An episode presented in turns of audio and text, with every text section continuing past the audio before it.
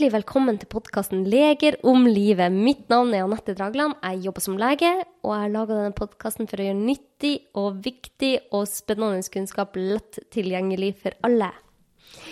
I dag skal vi snakke om søvn, og jeg vet at mange av mine lyttere nå blir glad, for jeg får veldig mye spørsmål om det. Og med meg til å snakke om søvn har jeg min gode venn og lege Herman Egenberg. Herman han er utrolig dyktig i noe som heter motiverende intervju. Han har laga podkaster for Helsedirektoratet og har sin egen podkast som heter Motiverende intervju. Tar doktorgrad i behavioral medicine. Eh, og er en eh, utrolig fin fyr. Han er så interessert i søvn og har lyst til å intervjue meg om søvn. Og tenker at det passer jo veldig bra i med at eh, jeg er veldig interessert i søvn, og elsker å snakke om søvn.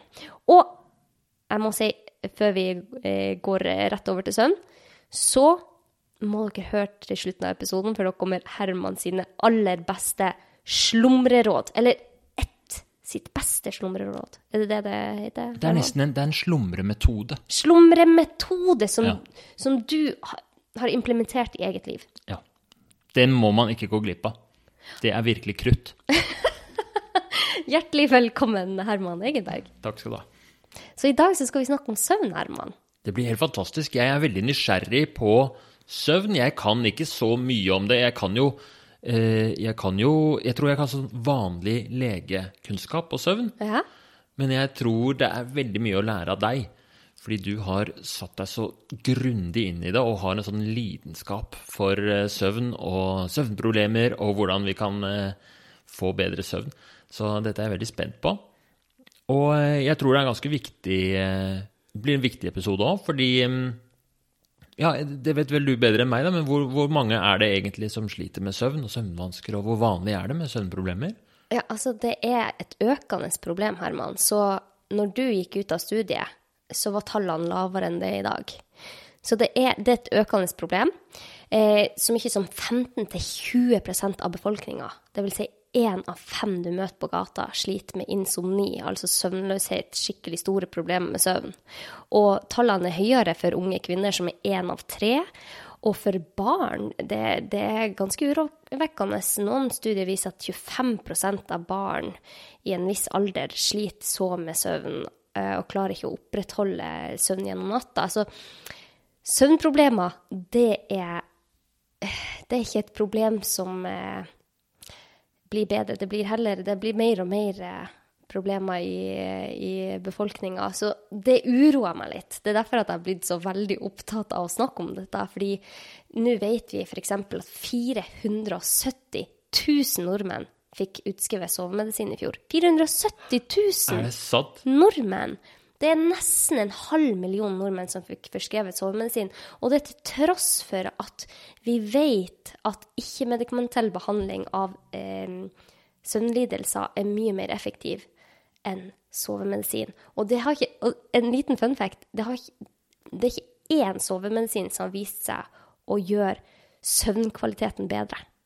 Oi, kan du si litt mer om det? Hva, hva, hva er dette med sovemedisin og søvnkvalitet? Ja, for at um, man har jo forskjellige faser i søvna si. Man har dyp søvn, man har drømmesøvn, og så har man noen andre stadier. Og man vil jo f.eks. ha nok dyp søvn. Men mange av disse sovemedisinene som man får forskrevet, gjør det motsatte. Det viser at faktisk på mindre dyp søvn. Ja, så du får sove, og du har kanskje opplevelsen av at du har sovet, men du har ikke hatt den der naturlige eh, variasjonen i søvnen som en sånn vanlig søvn har. Du er liksom bare innom den lette søvnen. Ja, nettopp. Nettopp. Og det uroer meg så vanvittig mye. Og det er jo ikke for at leger elsker å forskrive sovemedisin. De, de fleste leger ønsker jo ikke det. Men det, problemet er så stort, og det er så vanvittig trykk også. Veldig mange sliter ikke sant? og tenker at det er en god løsning. Og det skjønner jeg at man tenker at det er en god løsning for en liten periode. Men eh, når man da vet at den sovemedisinen gjør, gjør at du faktisk ikke får noe mer dyp søvn, kanskje heller tvert imot, så tror jeg mange vil heller prøve å få god søvn gjennom andre eh, metoder, da. Jeg tror det i hvert fall eh, eh, de gangene i turnus og sånt, når det var søvnvansker som var problemet, så var det jo en sånn derre Jeg skjønner godt at det er fristende å, å skrive ut sovemedisiner, fordi pasienten er jo, veld, er, jo, er jo, veldig stressa og veldig Det er veldig ubehagelig å ikke få mm. sove. Man føler at liksom nå går alt uh, skeis her. Ja. Man får ikke til noe annet fordi man sover ikke. Det er jo grunnmuren i å ha energi og overskudd til å klare livets braser, og så, så, så, så sitter ikke den engang. Og så er det natt på natt hvor du ikke får sove, liksom. Ja, altså, jeg vet jo hvor ille jeg føler meg bare etter én natt, men tenk deg å gå sånn tre år på rad, ikke sant? De er helt utkjørt. Mange, en sånn typisk setning som man hører fra insomnipasienter, er at de føler ikke at de lever, de føler de bare eksisterer. Og når én av fem går med sånne plager, så er det Ja. Og det er ikke bare det, det er veldig mange som sliter med søvn som ikke oppfyller kriteriene for insomni, men som veldig ofte har plager. Og da da har jeg så lyst til at alle skal få vite hvordan man kan få god søvn, for at det er ikke så mye som skal til. Ja, og det skal vi komme inn på masse i denne episoden her, med gode råd for søvn. Det gleder jeg meg veldig til. Kan vi, før vi eh, går i gang med det, liksom hva, hva løsningene ja. Kan vi få enda litt mer sånn forståelse av problemet, og si litt mer om hvor, hvor mye søvn trenger vi, hva er det som skjer når vi sover? Få liksom, uh, får liksom the basics på plass. Å, jeg blir så glad. jeg elsker å snakke om dette. Um, OK, vi voksne vi trenger mellom syv og ni timer søvn. Men det er jo noen få heldige som trenger mindre.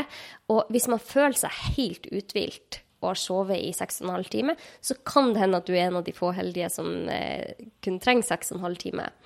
Eh, men så må jeg jo også legge til her at de har gjort studier på personer som sier at de trenger bare 6 timer søvn, og så tar man kognitive tester og reaksjonstester, så scorer de en god del dårligere enn når de får 8 timer. Men mellom 7 og 9 timer er det vi mennesker trenger, og det er det jeg pleier å si til mine pasienter. Prøv å få innenfor det. Og det er jo noen som trenger ni timer for å føle seg uthvilt. Så eh, det er litt individuelt. Jeg tror jeg er litt i retningen der. Jeg, I hvert fall syv timer for meg er litt lite. Ja, meg òg. Så jeg må helst ha åtte, åtte og en halv. Da er jeg skikkelig sharp. Ja. Merker i hvert fall forskjell. Jeg er mye trøttere etter en sånn syvtimersnatt enn jeg er etter en åttetimersnatt. Ja. Men OK, så vi trenger syv til ni timer. Og hva er det som i de timene, hva er det som skjer? Du sa noe om at det er forskjellige søvnfaser, men hvorfor er denne søvnen øh, så viktig for oss?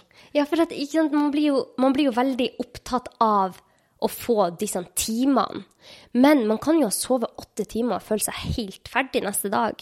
Så det er her disse søvnfasene kommer inn. Fordi at man har noe som heter N1, N2 og N3-fase av søvna di. Og så har man rem-søvn, det der drømmesøvna, eller mesteparten av drømmesøvna. Ja, det er der hvor øynene flimrer. Ja. Øyevippene flimrer. Rapid mm. eye movement, mm. står det jo for. Eh, og en ensøvna er jo den veldig lette søvna. Det er den du går rett inn i fra våken tilstand når du går inn i søvn. Så den er om lag 5% av eh, sovetida di. Du skal ha ikke så mye av en ensøvn, altså. Men det man ser, er at under, eh, med de som har forskjellige typer søvnlidelser, så kan de ha økt tid de tilbringer i N1, som ikke er så heldig, for en N1-søvna gir deg ikke så veldig mye. Men så har man N2-søvna, som er den middels dype søvna, og den er du i om lag 50% av natta. Og så tenker man, hvorfor er man 50% i en, et stadie som ikke er dypt eller en viktig drømmesøvna?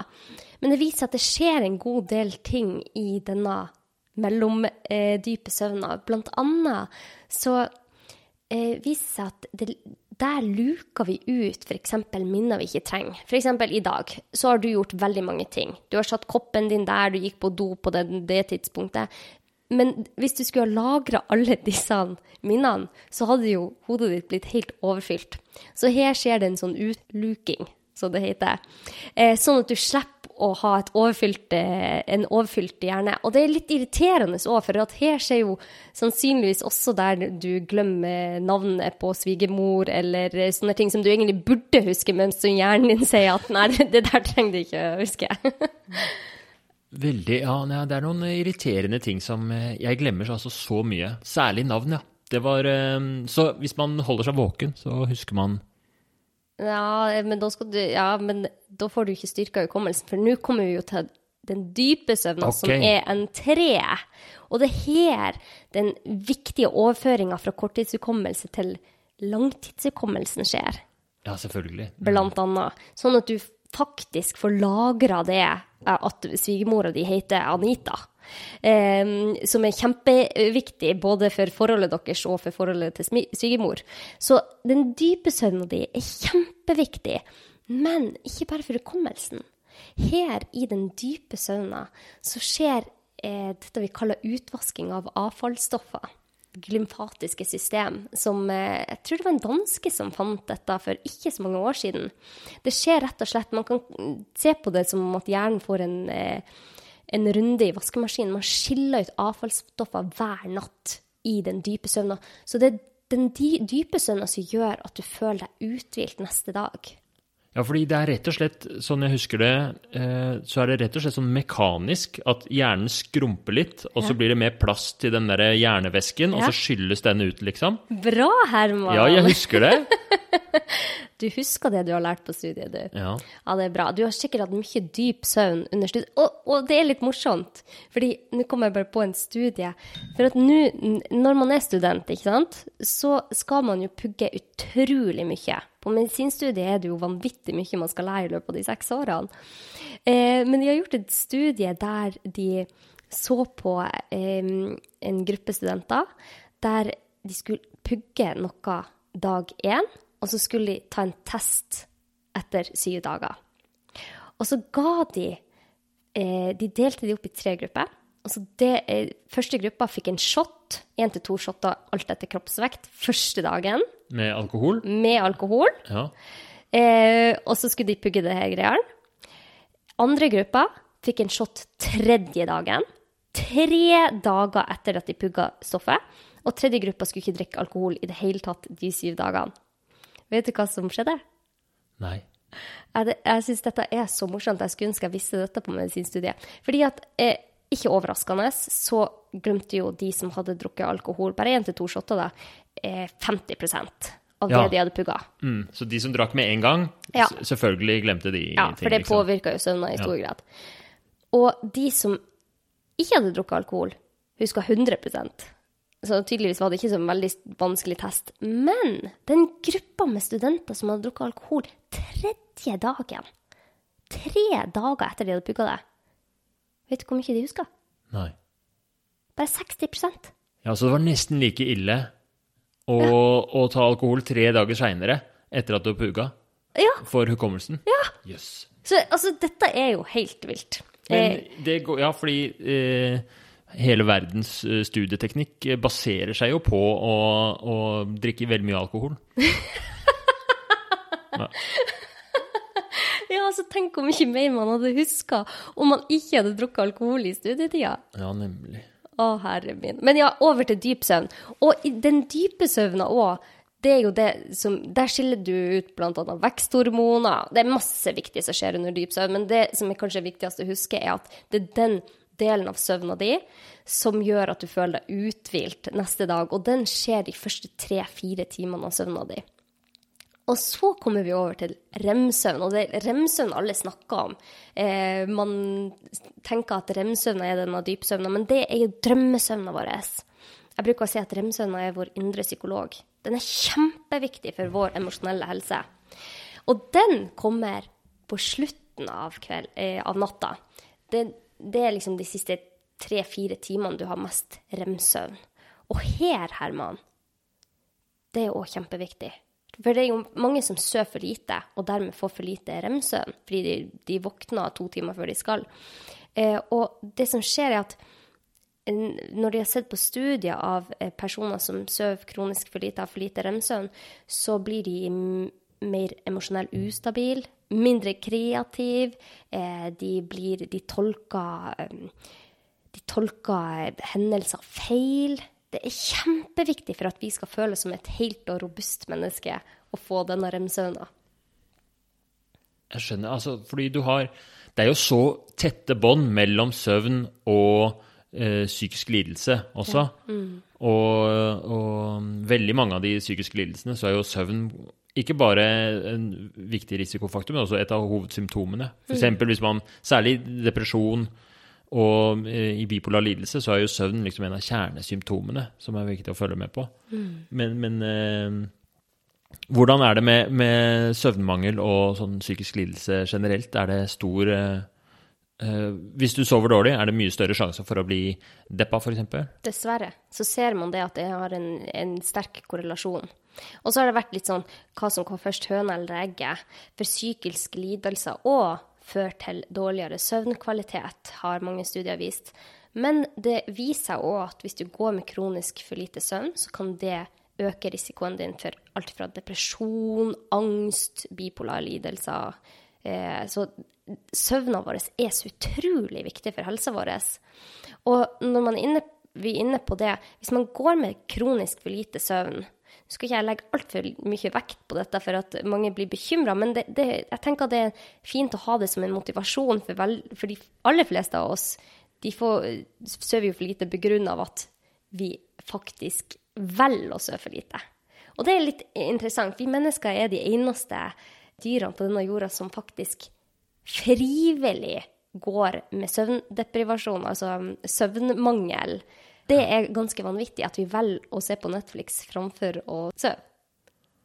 Ja, det er, eh, ja, det er interessant. Jeg kan ikke tenke meg liksom en, en, eh, et dyr som er trøtt, men som tenker sånn Nei, jeg må stå opp tidlig i morgen allikevel, liksom.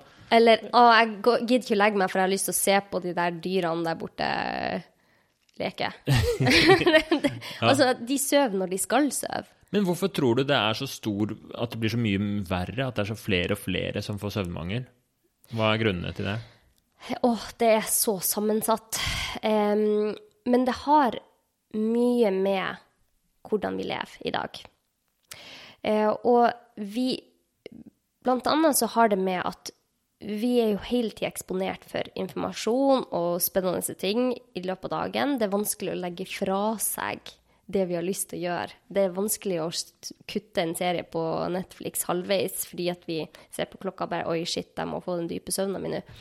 Eh, og så har det Man ser en korrelasjon med maten og tarmfloraen vår og søvn. Det er en sterk korrelasjon mellom det å ha irritabelt tarmsyndrom og inflammatorisk tarmsykdom og søvnplager. Så eh, tarmfloraen har faktisk en effekt på søvnen vår. Og dette er ny forskning, så det er helt i spedbarnsforskningsstadiet, men det er viktig å vite. Så hvis du spiser uh, dårlig, mye prosessert mat og, og lite fiber, og ikke får uh, utvikla tarmfloraen din godt nok, så kan det gjøre at du får dårligere søvn? Ja, studier antyder det nå. Og en annen studie viste at hvis du økte inntak av fiber, så fikk du mer dyp søvn. Så vi har ikke nok studier på det nå, for at det er jo bare de siste fem årene har de begynt å forske intenst på dette, men man ser en sterk korrelasjon. Og en studie fra Universitetet i California viste at der fant de flere ulike typer tarmbakterier som produserte signalstoffer som gjorde at det promoterte søvn. Men man klarte ikke helt å se mekanismen. Men det er et eller annet der som påvirker søvnen vår i stor grad. Så det er jo maten vi spiser. Vi spiser jo 60% ultraprosessert nå, den norske befolkninga. Det kan ha noe med det å gjøre. Eh, Og så er det jo stressnivået kanskje det aller viktigste. Fordi vi går nå med kronisk Veldig mange går med kronisk lavgradig stress. Før i tida så var vi stressa når vi møtte en tiger, og han holdt på å spise meg. Jeg klarte å komme meg unna, forhåpentligvis. Og stresshormonene sank med en gang. Mens nå så går vi rundt fra vi våkner og bare Shit, jeg har slumra altfor mye. Jeg er for sent på jobben. Stressa sett på jobben. Hvis man har barn, må levere. Eh, dårlig stemning for man er så stressa. Kommer på jobb, må få unna alt. Skal hjem, skynde seg. Vi skal skynde oss hele tida. Så vi sier til binyrene våre hele tida, som produserer stresshormoner, at de må produsere mer og mer og mer. Det er jo en beskyttelsesmekanisme å gå med stresshormoner. Men når man ikke får senka stresshormonene i løpet av dagen, så har det vist at det har stor effekt på søvnen vår. For at kortisol skal jo være høyest på morgenen. Der, da skal den ha sin topp. Men for mange av oss så har man toppen senere på dagen. Eller så går den ikke ned veldig gradvis i løpet av eh, dagen og kvelden, sånn at den skal promotere andre hormoner, sånn som melatonin og viktige søvnsignalstoffer. Eh, så stress er en eh, stor faktor. Vi får liksom ikke den derre Jeg ser for meg i et mer eh, langsomt samfunn så ville du hatt mye større sjanse til å på en måte automatisk stresse ned, fordi du skulle sikkert gå et sted, mm. og du hadde ikke podkast på øret. Men nå er det liksom alltid noe som skal inn hele mm. tiden, mm. og alt går så fort, og du får liksom ikke et sekund eh, til, å, til, å, slappe av og få den derre eh, Ja, den derre roe ned og hente seg inn og gjøre seg klar for kvelden, liksom. Det er akkurat det. Jeg hadde en gang en eh, pasient av meg, han var tannlege. Han hadde Han har gitt meg lov til å si det eh, anonymt. Han hadde utrolig masse pasienter. Alle elska han. Og så hadde han til enhver tid en pasient i disse to rommene han hadde. Så han måtte alltid skynde seg fra ene rommet til det andre. For det var alltid en pasient som venta på neste rom. Og han kom til meg, for han slet så vanvittig med søvn. Han hadde prøvd som han sier, absolutt alle midler som fantes for å få god søvn, men så ikke sammenhengen med hvordan han levde. ikke sant? Det, det, er umulig for han å få god søvn hvis han går ti timer om dagen med så høyt kortisol som, som han gjorde. Han hadde høy puls hele dagen, han. Så for han Det var jo mange ting vi måtte gjøre, men en av de viktigste faktorene han, for at han skulle få god søvn, var å ta en pause mellom hver pasient. For å fortelle kroppen at det er trygt å være her på jobb. Jeg har ingenting å være stressa for. Det er ikke en løve i et skap her. Det er faktisk bare noen pasienter som venter, og de får vente. Eh, så ja, vi Samfunnet er ikke tilrettelagt for en god søvn, men det, det er jo da viktig å ta valg som gjør at du faktisk får god søvn, selv om samfunnet rundt deg til enhver tid ønsker din oppmerksomhet. Eh, så det er mye man kan gjøre. Jeg tror det. Det, det er jo mye sånn uh, Altså, jeg er jo driver med atferdsfag. Og det er veldig mye atferd inni det her òg, da. Altså med, med, det er jo så fristende mm. å sitte og se på Det vanligste er sikkert Netflix. Mm. Eller å scrolle på Instagram eller TikTok. Og det er liksom så alltid én til, liksom. Én ting er jo lyset fra skjermen og sånt, men bare det å, å, å, å komme på at man skal gå og legge seg, er så Det blir så vanskelig når man har så mye stimuli, liksom. Ja. Det er jo veldig mye gøy man skal gjøre da på kvelden. Og særlig på kvelden er jo da man liksom er ferdig med det kjedelige, liksom, eller det tunge, jobben og styre årene og lage middag, og alt er ferdig. Og så Det er da man har tid til å kose seg. Ja. Men det blir jo ofte da at man blir sittende litt sånn Oi, blir sittende ekstra, altså. Ja, jeg pleier, pleier å si til pasientene mine at ikke legg deg for seint for noe du ikke ville ha stått opp tidlig for. Mm. Så hvis du ville stått opp tidlig for å se den Netflix-episoden, så kanskje det var verdt det. Men det er ganske sjelden det svaret. Ja, det, det er veldig lite jeg ville stått opp tidlig for.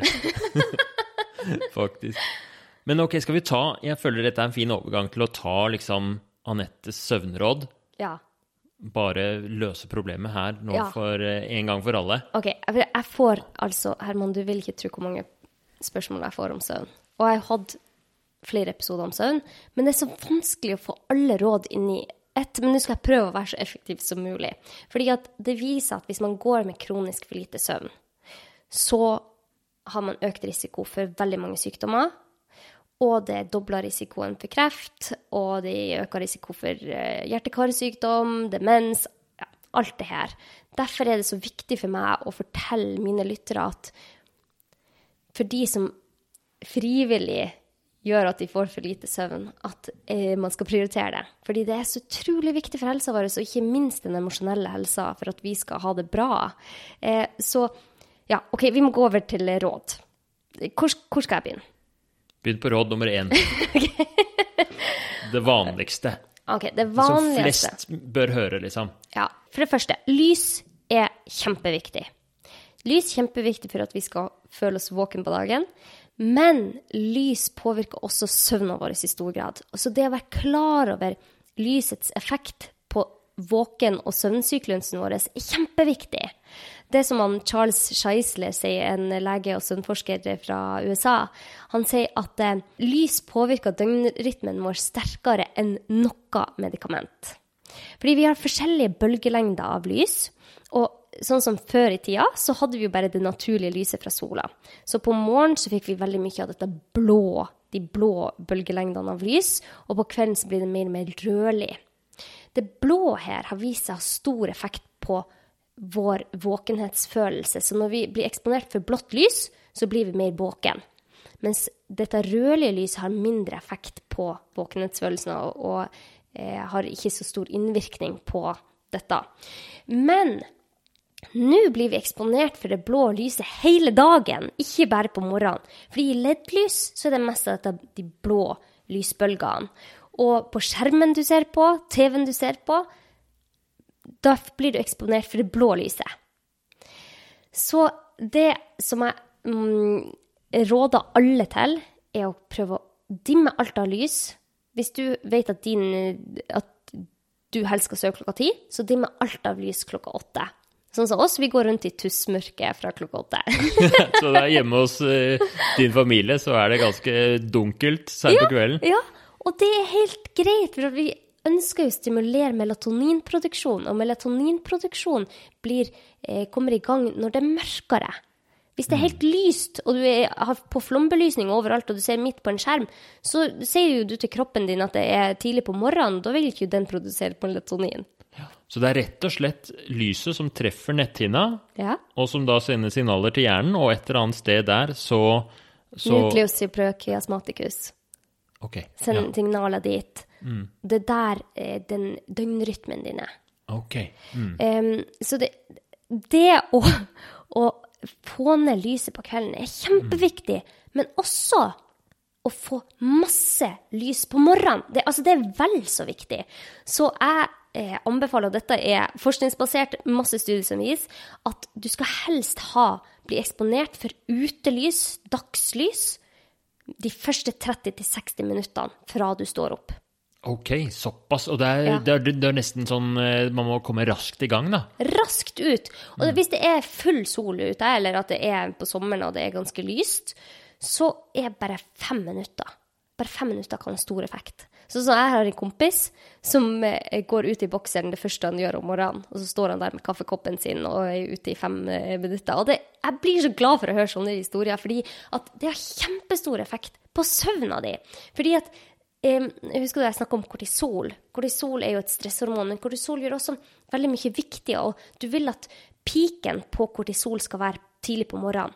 Og når du blir eksponert for sollys på morgenen, så øker det sjansen for at piken på kortisol også skjer rundt den tida der. Og sånn at den gradvis kan falle til riktig tidspunkt i løpet av dagen.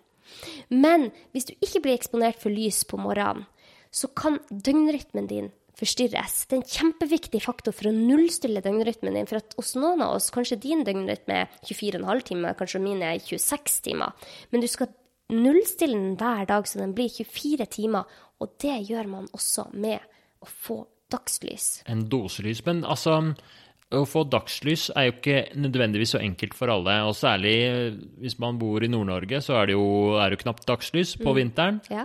Og, men i Oslo også. Og eh, hva, hva er det da mm, eh, Bruke sånne lamper og sånt? Jeg vet at bipolarpasienter ofte har De har sånn solbriller på kvelden, røde solbriller på kvelden, og så har de mm, lys, sollyslampe på morgenen. Og det blir jeg så glad for. Jeg blir så glad for at de, har, de får de rådene, for det kan ha stor effekt. Så for de som sliter med søvn, men nå er det jo ikke alle som blir så påvirka av det, men for de som sliter med søvn, så anbefaler jeg det. Eh, Særlig de som bor eh, øverst i Nord-Norge, og som ikke blir eksponert for dagslys før eh, ja, det er jo I 11-12-tida så er det jo relativt lyst, og det vil ha effekt. Det trenger ikke å være sol på himmelen. Um, men for de som sliter med søvn, så anbefaler jeg å kjøpe en sånn dagslyslampe, for det kan ha kjempegod effekt på søvna for mange. Ok, så å, å få en slags sånn naturlig eh, syklus med eh, så mye som mulig lys på starten av dagen og ganske lite på slutten av kvelden. Og da Ja. eh, med sånn um, mobiltelefoner og PC-skjermer og sånt nå, det er jo ganske mye lys. Det finnes Du kan jo både skru ned lyset, men du kan også sette på sånne der rødfilter og sånt nå. Har du trua på det? Ja, ja, jeg har veldig trua på det, fordi at lysbølgene fra det røde lyset påvirker oss i mye mindre grad enn det blå lyset. Så hvis man har mulighet til å ta på eh, filter, det finnes noe som heter Lux som man kan få på dataen. Eh, iPhoner vet jeg i hvert fall har eh, muligheten for å få ned eh, det blå lyset. Så alle disse eh, vil jo gi en viss effekt. Men så må jeg jo si at det er flere studier nå som viser at hvis du ser på skjerm, særlig iPad, ikke tett inntil netthinna før du legger deg, vil hindre melatoninutskillelsen. Det vil ta lengre tid for deg å sovne. Og det kan ha effekt både på den dype og rem-søvna. Og ikke bare den natta, men natta etterpå. Så det å sitte med en iPad veldig nært ansiktet, eller en mobil veldig nært ansiktet før du skal legge deg, er kjempeuheldig for søvnen. Så det å scrolle på senga, det er Jeg er sikker på at 95 av oss gjør det. Men etter at jeg skjønte at ok, når jeg driver og scroller sånn, så kan det hende at jeg får mindre dyp søvn, eller mindre rem-søvn, så slutter jeg med det. For da vet jeg grunnen til det. For man hører jo hele tida at du må bare slutte å, å scrolle på mobilen på kvelden. Men nå når jeg vet årsaken bak, så gjør jeg det. Og det er bl.a. en studie fra Finland der de testa barn. Vi setter jo ofte barn eh, framfor skjerm rett før de skal gå og legge seg. Og det viser at jo mer barn så på skjerm, jo mer søvnforstyrrelser hadde de. Direkte sammenheng. eh, Ja. Mm. dessverre. Så, har, eh, så lyset påvirker oss i stor grad, også dagslyset på morgenen. Og så må jeg bare få inn her at vi har noe som heter nadir. Nadir er det tidspunktet på døgnet der du har lavest kroppstemperatur. Og den er gjerne sånn ca. 1,5-2 timer før du våkner. Så hvis du står opp i snitt klokka syv, så er din nadir ca. klokka fem. Og hvis du blir eksponert for Hvis du har hørt på podkasten min, og så hadde Anette sagt at jeg skulle få dagslys med en gang jeg sto opp, og du sto opp plutselig en dag klokka fire, så vil jeg absolutt ikke at du skal få dagslys så tidlig. For hvis du blir eksponert for sterkt lys før nadiren din, altså mellom én til to timer før nadir, så vil du forskyve døgnrytmen din, så du blir mer til som et B-menneske. Mens hvis du blir eksponert for lys rett etter nadir, så vil du forskyve døgn, kan du forskyve døgnrytmen din så du blir mer som et A-menneske. Ja, så nemlig. Og, men nadir hos de fleste er to timer før man vanligvis står opp. Ja. Før døgnrytmen. Ja, men ikke sant, det er mange ungdommer her som får beskjed, og de har uh, hørt at uh, de må bli eksponert for lys med en gang de våkner, sånn at de kan bli mer som et A-menneske. Men hvis deres naturlige nadir er klokka åtte på morgenen, og de går ut klokka syv, så vil de bare gjøre det enda verre, det problemet. Ja, nemlig. Så en sånn døgnrytmeforskyving burde egentlig skje litt gradvis. Man skal ikke gå Ja. sånn rett fra å være klokka tolv på morgenen i hele sommerferien, og så boom. Men det blir jo vanskelig å styre, da, for sola, sola er jo der når sola er der, liksom. Ja, ja, men eh, i hvert fall for oss nordmenn så er vi jo heldige at på sommeren så er det jo halve delen av året så har man greit med dagslys på morgenen. Men dette er veldig greit for de som er naturlig B-mennesker, f.eks. For, eksempel. for at A, men samfunnet er jo tilrettelagt for A-mennesker. Vi begynner på jobb klokka åtte og slutter klokka fire. Men for et B-menneske så er det genetisk ikke helt heldig. Men man kan hjelpe B-mennesker ved at de blir eksponert for dagslys etter at de våkner. Men da må man også vite deres nadir. Og hvis de våkner veldig jevnt og trutt klokka syv, så vil nadiren deres være ca. klokka fem. Okay, Men hvis de er en person som står opp plutselig klokka tolv en dag, og så klokka fem eh, på morgenen en annen dag, så må man Da må man litt. tenke litt. Så Ja. det er ikke sånn, det er ikke automatisk du, har ikke noe, du kan ikke si sånn alle skal ha på lyslampe klokka sju på morgenen, liksom. Nei, og så anbefaler jeg jo alle uansett å stå opp. Det er kanskje ja, det er tips nummer to, som er det nest viktigste tipset, er å stå opp til samme tid hver dag. Og det er det kjipeste rådet jeg kan gi, men det er det viktigste. Nest viktigste. Fordi at når Altså, hjernen din går jo gjennom en sånn søvnsyklus i løpet av natta. Og for at den skal vite når du skal dyp søvn, når du skal rem-søvn og alt det her, så er det viktig å stå opp til samme tid hver dag. Fordi man kan tulle med hele systemet hvis man plutselig Hvis man står opp jevnt klokka seks om morgenen hver dag, og så sover du til tolv i helgen, så blir hjernen din helt på en snurr. Du vet ikke når du skal ha den der dype søvnen og rem-søvna di.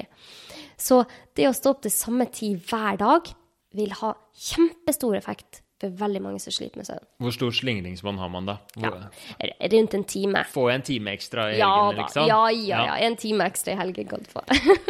Hva med akkurat angående det, da? Hva med sånn soving på dagen og middagslur og sånne ting? Ja.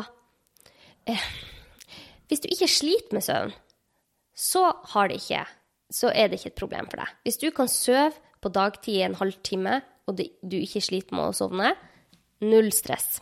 Men hvis du sliter med å sove, hvis du sliter med å sovne, eller at du våkner på natta, eller at du sliter med å våkne veldig tidlig og ikke får sove igjen, så er det å sove på dagen no go. Og grunnen til det er at eh, fra du våkner, så bygger du opp et søvnbehov gjennom dagen. Og det bygges opp noe som heter adenosin, som gjør deg veldig trøtt etter ca. 14 timers eh, våkenhetstid. Det bygges gradvis opp. Men hvis du sover midt på dagen en halvtimes eh, lur, så vil det søvnbehovet gå ned litt igjen. Og man ønsker at det søvnbehovet skal være sterkt på kvelden for de som sliter med å sove. Eh, For alle oss andre så det å ta en halvtimes lur eh, før klokka to på formiddagen helt greit, men for de som sliter med søvn, ikke søv på dagen. Og når vi snakker om adenosin, for adenosin er veldig det er et viktig stoff å vite om. Fordi at kaffe Vet du hvordan det fungerer, Herman? Ja, det er noe med adenosin. Eller Ja! det, koffein minner om adenosin, fester seg på samme reseptor. Ja! Bra, Herman! Ja.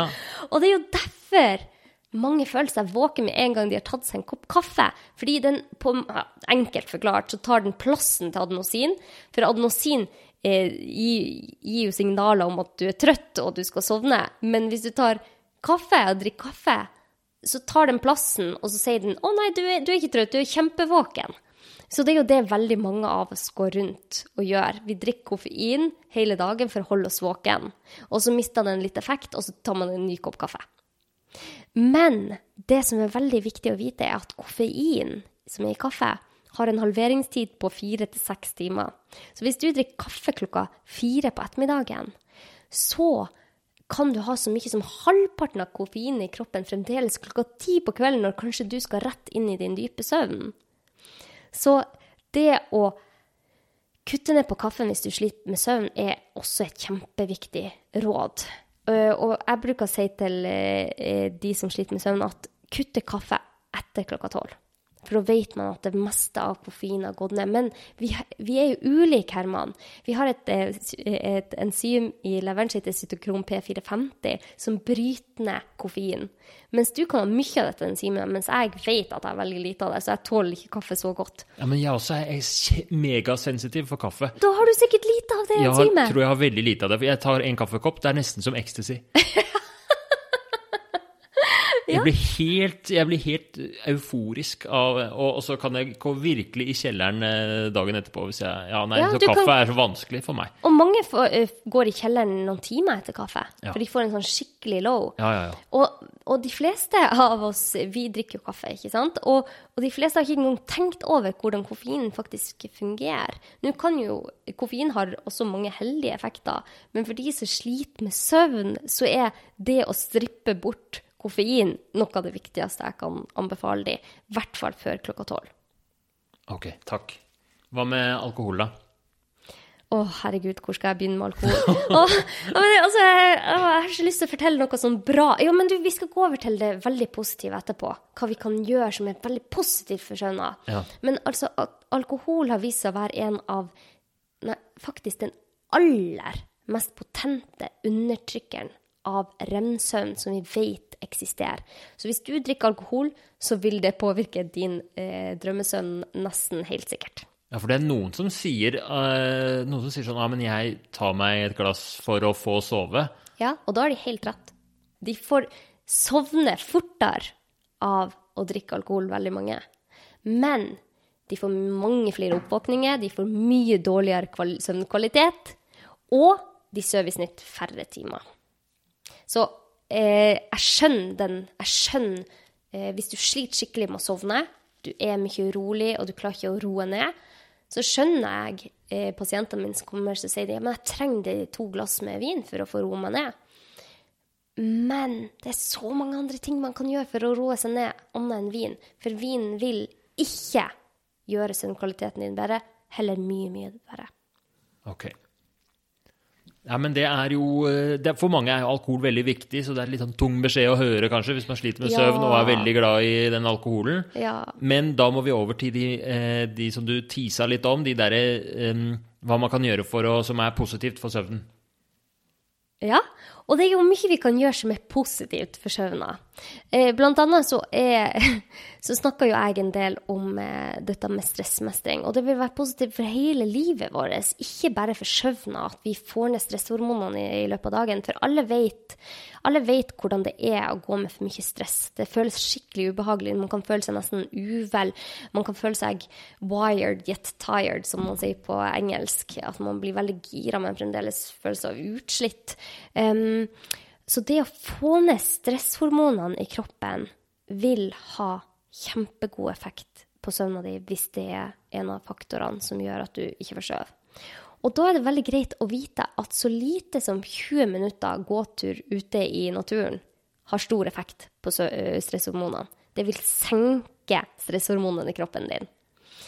Eh, så, men her er vi ulike, sånn som din kjæreste Kristin. Hun driver med yoga. Det har jo vist seg å være kjempeeffektivt for stresshormoner. Så hun er jo veldig heldig at hun driver med noe som hun elsker, og som gjør at hun får det bedre når man tenker på stress. Jeg kan fortelle også om Kristin, fordi hun har jo hatt litt uh, søvnproblemer før. Hun har nå vært på eh, Vi var på Bali sammen. Hun var på yogalærerkurs der Ja. i fire uker. Og hun sier hun har aldri sovet så godt. Ikke sant? Og der, ikke, ikke bare med at yoga senker stresshormonene, men her kommer vi inn på trening. For at hun hadde jo et ganske intensivt opplegg, har jeg skjønt, der hun trente mye, brukte muskulaturen. Eh, og en annen faktor som kan øke adenosin, er faktisk trening. Så hvis man trener, så kan man få oppbygd enda mer søvnbehov, som gjør at du er trøttere på kvelden og gjør det lettere for deg å sovne, og kan bidra til mer dyp søvn. Så det er sikkert de effektene hun Kristin har opplevd. Så det å få nok bevegelse i løpet av dagen kan ha kjempestor effekt på søvna. Fantastisk. Ok, hvis vi skal oppsummere, da, så er det trening, stressmestring og riktig lyseksponering er veldig viktig for, um, for søvnen. Og så er det de eh, på en måte synderne. Det er alkoholen, koffeinen og skjermtiden på kvelden. Og nikotin. Nikotin også, Ja, ja. snusing. Ja, det, ja, det ønsker alle å kutte nikotin, fordi det gjør det vanskeligere å sovne og gir mer oppvåkning og kan gi, gjøre at man våkner tidligere fordi man trenger en ny snus. Jeg har en snushistorie om eh, eh, Det er kanskje ikke direkte relatert til søvn, men jeg eh, hadde da Det er lenge siden. Jeg hadde slutta å snuse, men jeg var på en eh, rockekonsert. Og så var det ekstremt høy lyd, ikke ørepropper å få. Så jeg fikk litt panikk, så jeg tok og spurte kompis om han hadde snus. Han hadde sånn ekstra sterk snus med porsjon. Smukk, smukk, én i hvert øre for å beskytte øra. Tenkte ikke mer over det. Og så så er jeg på den konserten, og det er gøy og god stemning og føler meg bra.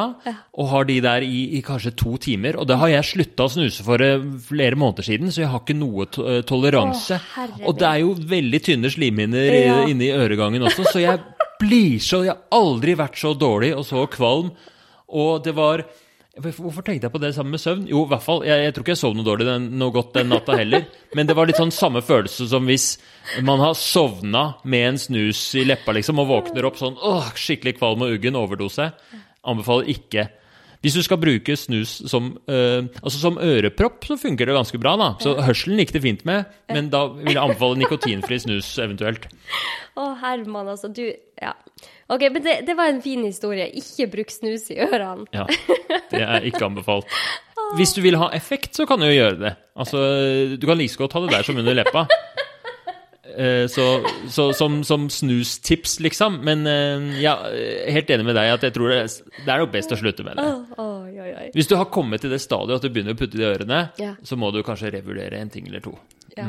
Eh, veldig bra, Herman. Jeg er veldig glad for din, din historie, for det, det, det var sikkert viktig for én person å Ja, høre det der. Ja. Er, har du noen flere søvntips? Uh, ja, jeg har så mange. OK. eh, Vi har vært innom eh, lys. OK, jeg er opptatt av dette med temperatur. Fordi at det viser at vi trenger å gå ned så mye som nesten en hel grad for å sovne. Kroppstemperaturen vår faller, og det gjør det lettere for oss å sovne. Så hvis man alle vet hvordan det er å dra til Syden, og så er det for varmt, og så blir det veldig vanskelig å sovne. Det har med kroppstemperaturen din å gjøre. Den trenger å senkes for å få den gode, dype søvna. Så optimal soveromstemperatur er 18,3 grader. Ok, så presist. wow. Men Det var veldig mellom- deilig med sånn klart svar. Men alt mellom 20 og 15 grader er jo Ja. supert. Og jeg har det jo Jeg er sikkert 12 grader på rommet Å, rommet. såpass, ja. Jeg elsker det, men jeg har kjempetjukk dyne. Ja, men lykke til med parforholdet, da. Og, og det, når du sier parforhold Parforhold har veldig mye å si for søvna, visste du det? Ja, nei, det, det visste jeg ikke. Hvordan er det det henger sammen? Nei, altså relasjoner generelt, da, ikke bare parforhold. Men det viser at de som sliter med relasjonene sine, har større søvnplager.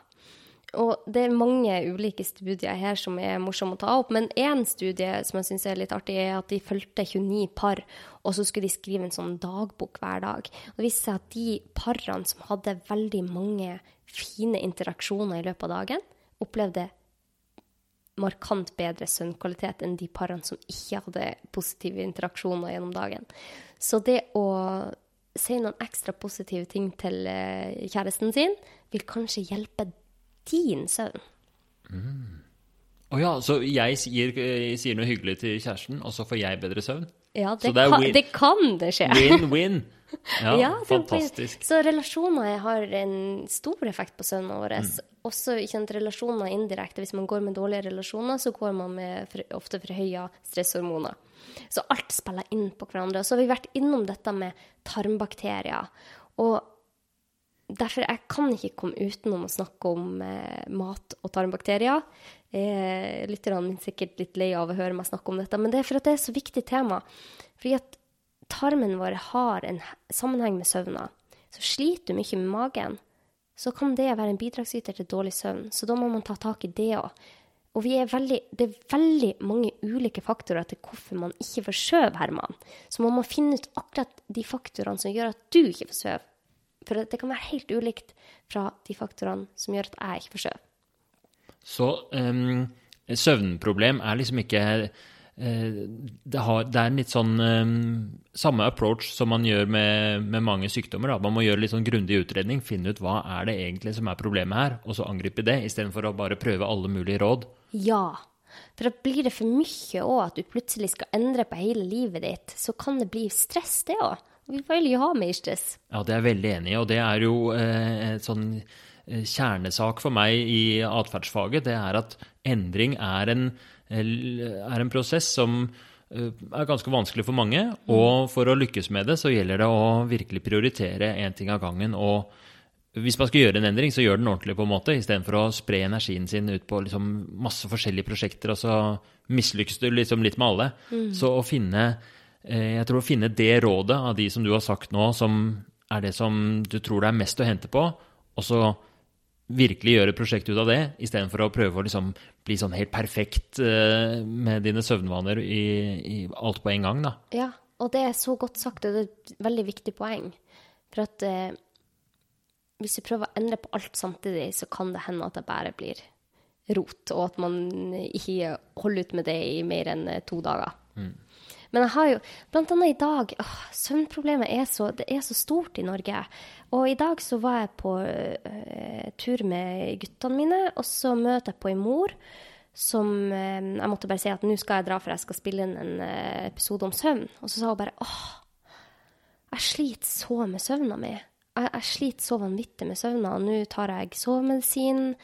Og jeg, bare, jeg vet ikke hva jeg skal gjøre. Jeg er så sliten. Og jeg får så medfølelse for henne, for jeg vet hvor ille det er å gå uten søvn. Jeg har jo slitt voldsomt med min egen søvn for ti år siden og måtte lese alt jeg kunne av forskning for å, å komme hit jeg er i dag, der jeg har veldig god søvn. Eh, men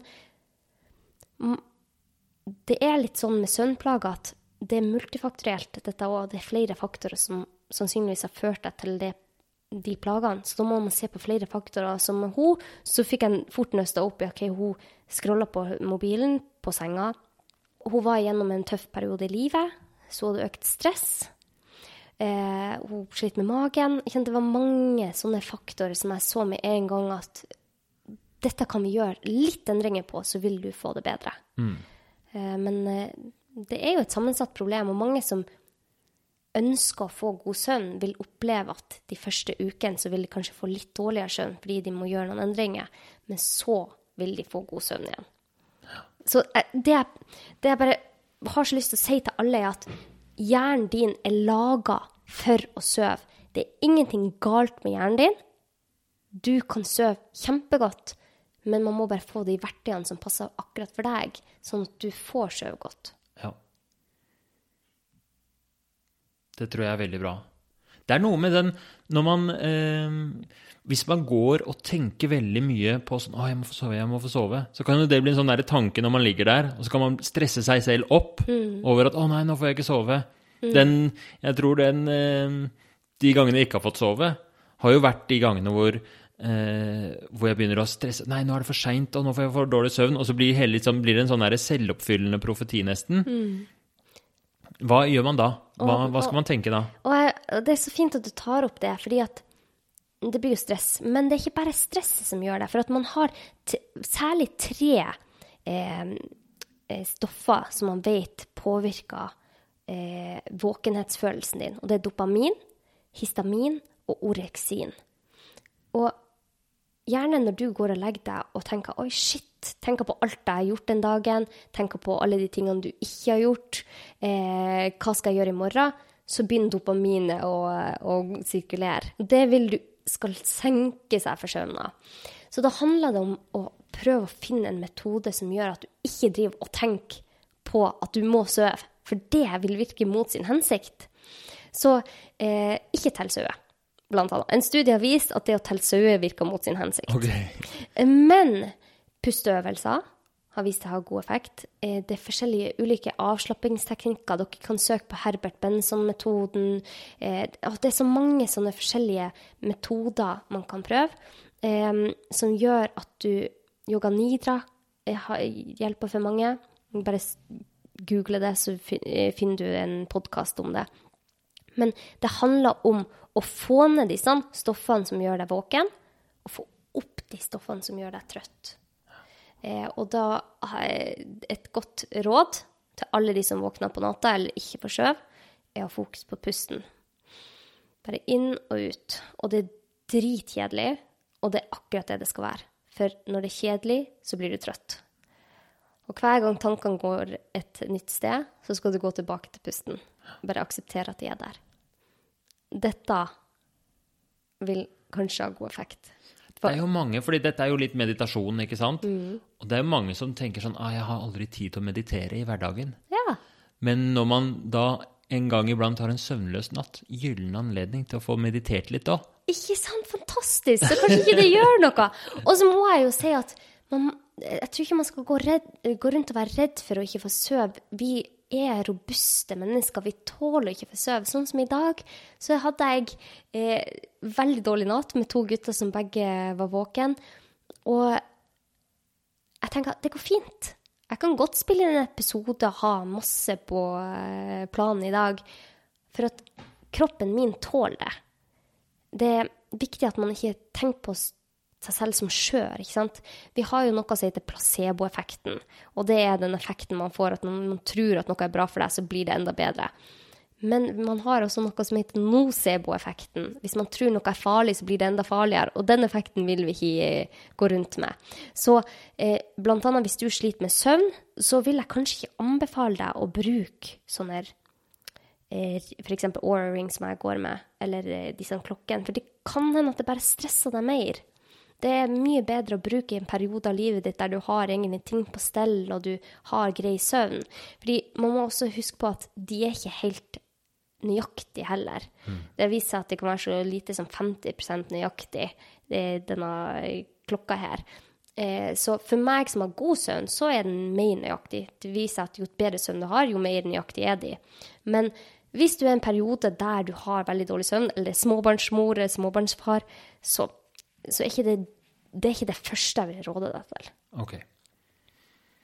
Ok, jeg håper dette har vært nyttig for folk å få lære masse om søvn og få eh, dine beste søvnråd. Og, men jeg tenker at nå eh, skal vi gå og fortelle om altså det som jeg gleder meg veldig til å høre mer om, og det er da doktor Anettes søvnkurs.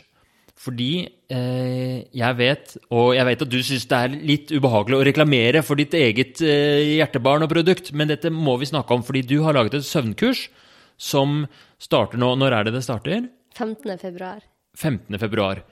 Og det er da et eh, kurs hvor du eh, får lære alt det du trenger å vite om søvn, og sammen med de andre kursdeltakerne deltar og interagerer og virkelig tar tak i eh, dine søvnproblemer. Og, men det vil jeg gjerne høre mer om fra, fra deg som har laget det. da. Hva er dette søvnkurset? Hvorfor er det du bestemte deg for å lage et søvnkurs? Og hva kan man forvente hvis man deltar på dette søvnkurset? Oh, for at jeg har så lyst til å si enda flere råd her, og jeg har lyst til å gå i dybden på hver og en sine plager, men det kan man ikke gjøre i en podkast. Så derfor har jeg tenkt ok, hvordan skal jeg få hjulpet flest mulig med søvna når det er så utrolig mange som sliter, og derfor har jeg laga dette søvnkurset. Eh, for jeg vet selv hvor vanskelig det er å gå rundt med dårlig søvn. Nå var det mange ting jeg ikke fikk sagt her i episoden, eh, men det går vi inn på i sovekuren, som jeg har kalt dette kurset. Eh, fordi at det er mm, flere ting som en bør se på hvis man sliter med søvn, og disse rådene ikke hjelper. Blant annet har man noe som heter stimuluskontroll. For noen så er søvnrestriksjon viktig, men ikke for alle. Um, og uh, ja, søvnkurset starta 15.2, og jeg har så lyst å kunne være til hjelp her, for jeg vet at når mine pasienter får god søvn, så vedvarer det. Det er ikke noe som bare går over. Da har de fått de verktøyene og de teknikkene som hjelper akkurat for de. Og da slipper de å slite med dette år etter år, for det er det jeg ser. Det er veldig mange som har gått ti år, altså. Fem år med søvnplager før de har kommet til meg og, og tar det opp som et tema i det hele tatt. Og vi vet at søvn er så viktig for så utrolig mange faktorer i livet. Så ja, hva var det du spurte meg om, egentlig? Jeg spurte om først, det har jo du svart på nå, da. Hvorfor eh, vil du lage dette søvnkurset? Og. For jeg veit at du brenner sånn for søvn, og du ser på det som din oppgave å kurere eh, Norges insomni. Og det Ja. er veldig raust av deg. Men eh, ok, så hvis man melder seg på dette søvnkurset, hva, hvordan ser det ut? Hvor lenge varer det? Hva, fortell oss litt om detaljene. Ja, OK. Eh, kurset varer i tre uker. Der har vi en lukka gruppe der man kan stille alle slags mulige spørsmål inne i den gruppa som jeg vil svare på, så man har muligheten til å stille meg spørsmål. Og så får man også kursmateriale inne på nettsida mi, der de, eh, de som er med i kurset, får materiale der jeg forteller om alle disse eh, faktorene som spiller inn på søvn, hvordan søvn virker, hva man kan gjøre for å få god søvn. For som vi har vært inne på, det er jo ulikt hva du trenger, og det jeg trenger. Derfor har jeg dekka veldig mange tema da, som man kan velge å plukke litt eh, imellom. Så det er video, innspilt videomateriale der jeg forklarer om eh, de forskjellige faktorene. Og det må jeg bare si, både kursheftet, det skriftlige, og de videoene. Eh, Jeg ble altså så imponert over hva du har fått til der. Det er som å ha deg inne i stua si når man ser de videoene. Det er det beste jeg har sett, og kvaliteten på alt er virkelig nydelig produsert. Og, og, og det er ingen som kan liksom formidle vanskelig informasjon på en ganske enkel, lettfattelig måte. Det er helt sånn uh, up to date forskningsbasert på helt de nyeste studiene, og med den derre varmen som Ja, det er eh, veldig gode videoer og kursmateriell. Åh, Herman, du er Ja, grei. så bare for det så tenker jeg det kurset er fantastisk for å få tilgang, tilgang til det. Men eh, kan du si litt mer om den derre Facebook-gruppa som man blir medlem av? Eller er det Facebook-gruppe? Ja. Fordi hva er det For det må jo være hovedverdien her. At man Fordi som du sier, én ting er å få råd om søvn, men det er jo ditt søvnproblem som kan ha masse forskjellige årsaker, og kanskje du har noen blinde flekker, du veit ikke helt selv hvorfor du ikke får sove. Så det å kunne delta og interagere med andre, tenker jeg er liksom nøkkelen her, da. Hvordan er det du får til det? Ja, for at én ting er å ha episoder der jeg forteller om teorien, men det å gå gjennom disse ulike verktøyene og ha, gjøre det i praksis, det er så mye vanskeligere når man gjør det alene og bare har en brosjyre framfor seg eller en podkastepisode som forteller hva du skal gjøre. Jeg er så opptatt av at vi heier på hverandre, og at vi kan få litt mer tilpassa, individuelt tilpassa plan da, for å nå det målet som er å få god og dyp søvn. Eh, så jeg er veldig glad for at vi har denne gruppen, så vi kan snakke med hverandre og støtte hverandre. Og så kan man skrive til meg da med disse ulike plagene. For det er jo forskjellig. Noen står på noen medisiner og Og jeg er veldig imponert over deg, for du er altså Det kommer jo mye spørsmål, og du svarer på alt. Ja. På kurset så svarer jeg på alt. Ja. Jeg har ikke mulighet lenger på Instagram og på mailer, for jeg, får, jeg kan få hundrevis av mailer etter en podkastepisode, så jeg, har, jeg kan ikke svare på alle nå. Men alle som er med i kurset, de får svar. ja. Så da har du satt av, satt av hele måneden.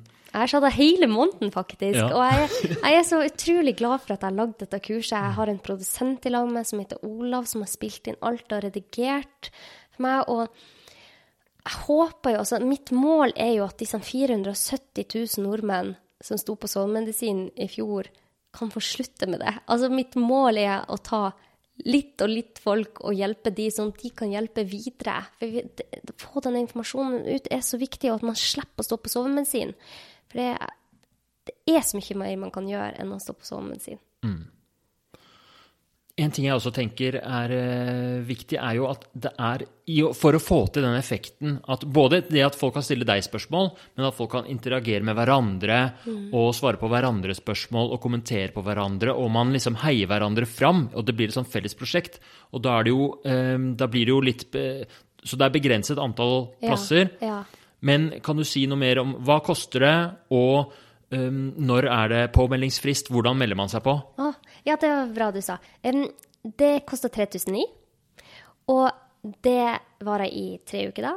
Man får eh, et kursmateriale pluss et 16-siders hefte, der jeg òg skriver masse råd. Og så starter vi 15. februar, men påmeldingsfristen er kvelden den 14. februar. Men hvis du er for seint ute, så havner du på en venteliste, Ja. og så kommer det nytt. Da har du førsteretten til å komme på neste kurs. Ja, men jeg vet ikke om jeg rekker et nytt kurs i år. Ok. Ok. okay. Ja. Ja, fordi det er jo enormt mye jobb for deg. Ja, dette her. det tar så mye tid. Men jeg tenker at dette, jeg må bidra der jeg kan. Så det, jeg satte av en måned til dette. Ja. Nei, men jeg, altså For å virkelig reklamere for dette, jeg tenker at dette her er en skikkelig investering i noe som, eh, som betyr mye for folk. Og hvis man kan få gjort et ordentlig sånn dypdykk i søvnen sin og få rettet opp et søvnproblem, det gjør man mye for sin fysiske helse, for sin mentale helse og i lang tid fremover. Så dette kan virkelig være eh, Jeg har veldig trua på dette. Hvis, har, hvis du har et søvnproblem, så er dette her en skikkelig god investering, og som eh, virkelig tror du kan være glad for at du har eh, sjekket ut. Så håper mange melder seg på det kurset. Og nå, det alle har gledet seg til, Ja. nå skal jeg fortelle Hermans slumremetode. Det, takk, Herman. Jeg gleder meg veldig til å høre om det. Ja, men fordi det er jo mange som har søvnvansker, men det er også mange som har slumreproblematikk. Og det temaet er tatt altfor lite opp. Så det er kjempebra at du kommer med Ja, det. men fordi det løser vi bare her og nå, for jeg har en helt idiotsikker metode Ja. for å kurere slumring. Og da snakker jeg ikke om de av dere som slumrer med vilje. Og det er jo en del som syns det er veldig deilig å slumre, og gjerne vil fortsette med det. Det er helt fint. Jeg er ikke motstander av slumring. Men for den gruppa, og den er ganske stor, som slumrer ufrivillig, og som ikke klarer å stå opp, som jeg var en eh, del av tidligere, Ja. der finnes det nå en måte å slutte å slumre. Ja. Er du klar? ja, jeg er veldig klar. Denne her, eh, den funka på meg, og den har funka på 100% av de jeg har eh, jo hatt et prosjekt med å gjøre. Jeg hadde en på podkasten, min motiverende intervjupodkast. Ja, ja. Ida vil slutte å slumre. Ja. Da brukte vi også denne metoden. Så nå skal jeg fortelle den, og hvis du har lyst til å slutte å slumre, dette er oppskriften.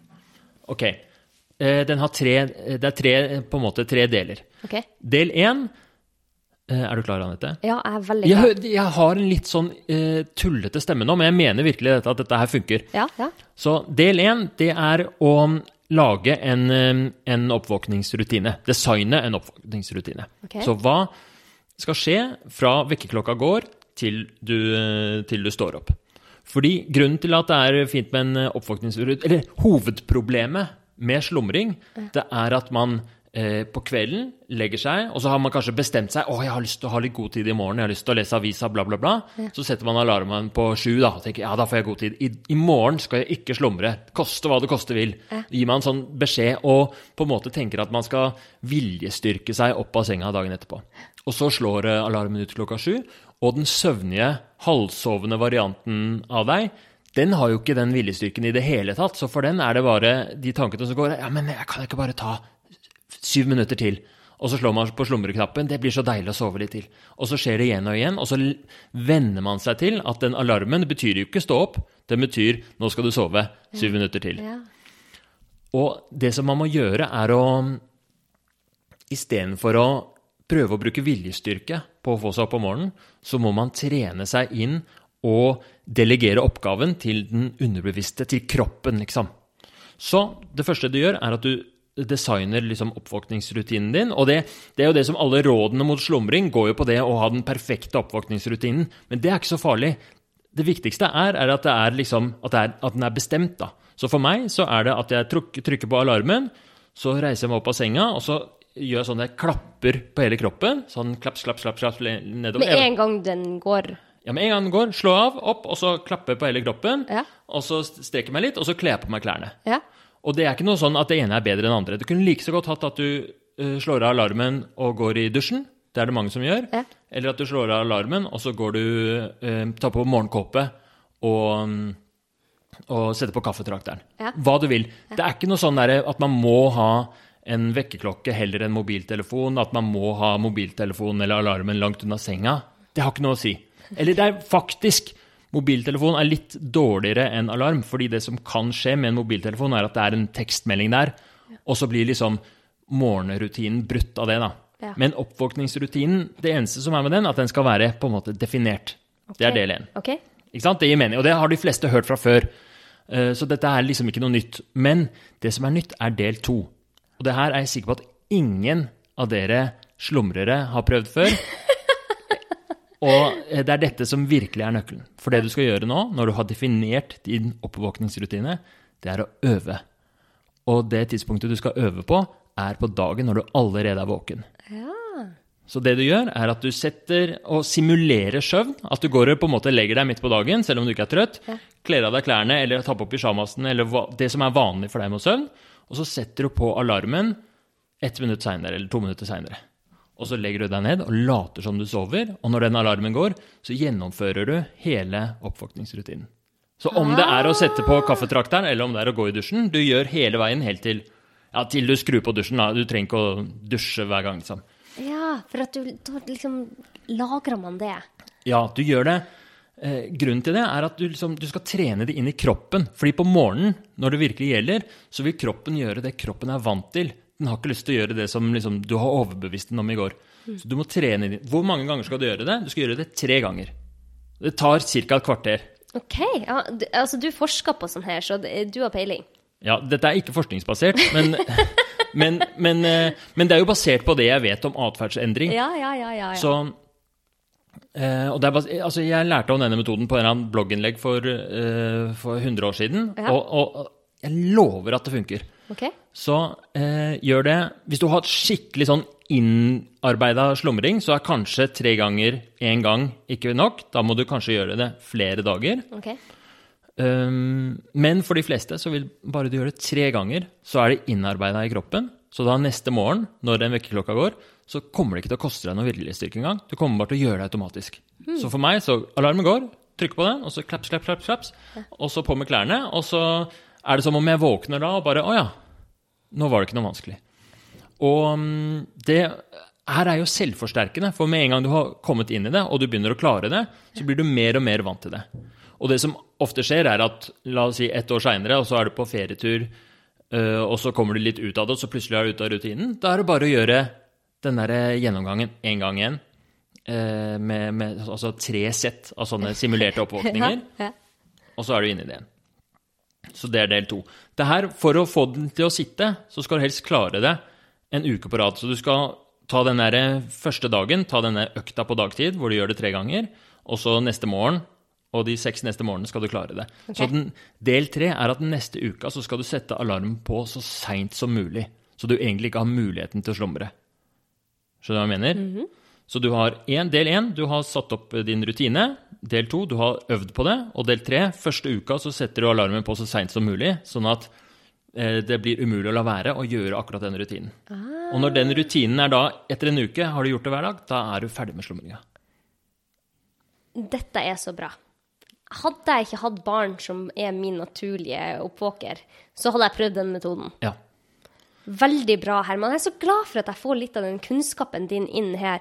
Du, jeg, jeg, du, Dette her er erfaringsbasert kunnskap, Det- ikke det er erfaringsbasert kunnskap. Og så må jeg bare si til dere at hvis dere ønsker å lære mer om motiverende intervju, og lære mer om vaner og atferd, så sjekk ut podkasten til Herman Egenberg som heter Motiverende intervju. Skikkelig bra! Takk skal du ha, Anette. Vær så god, Herman. Takk for at du var så interessert i sønnen og ville lære mer av meg, og for at du reklamerer så fint for min, mitt søvnkurs. Det, jeg blir helt varm om hjertet, Herman. Ja, men det er vel fortjent. Du jobber altså så hardt med denne podkasten, med formidlinga di, og det er altså en glede å få lov å være med og følge med på hva som skjer. Og, eh, og den, eh, den formidlinga du driver med, den eh, tror jeg faktisk betyr mye, altså. For eh, lytterne og for, eh, for, eh, for hele landet. Vi smører på her. Ja. Ah, det er veldig fint, i hvert fall. Tusen takk for at du vil være med i podkasten min, Herman. Ha en fin dag videre, alle sammen. Og hvis dere tror denne episoden er til nytte for noen, og særlig for de som har slumreproblemer, send den til dem. Ja. Og med det så sier vi takk for oss i dag. Ha det godt. Ha det.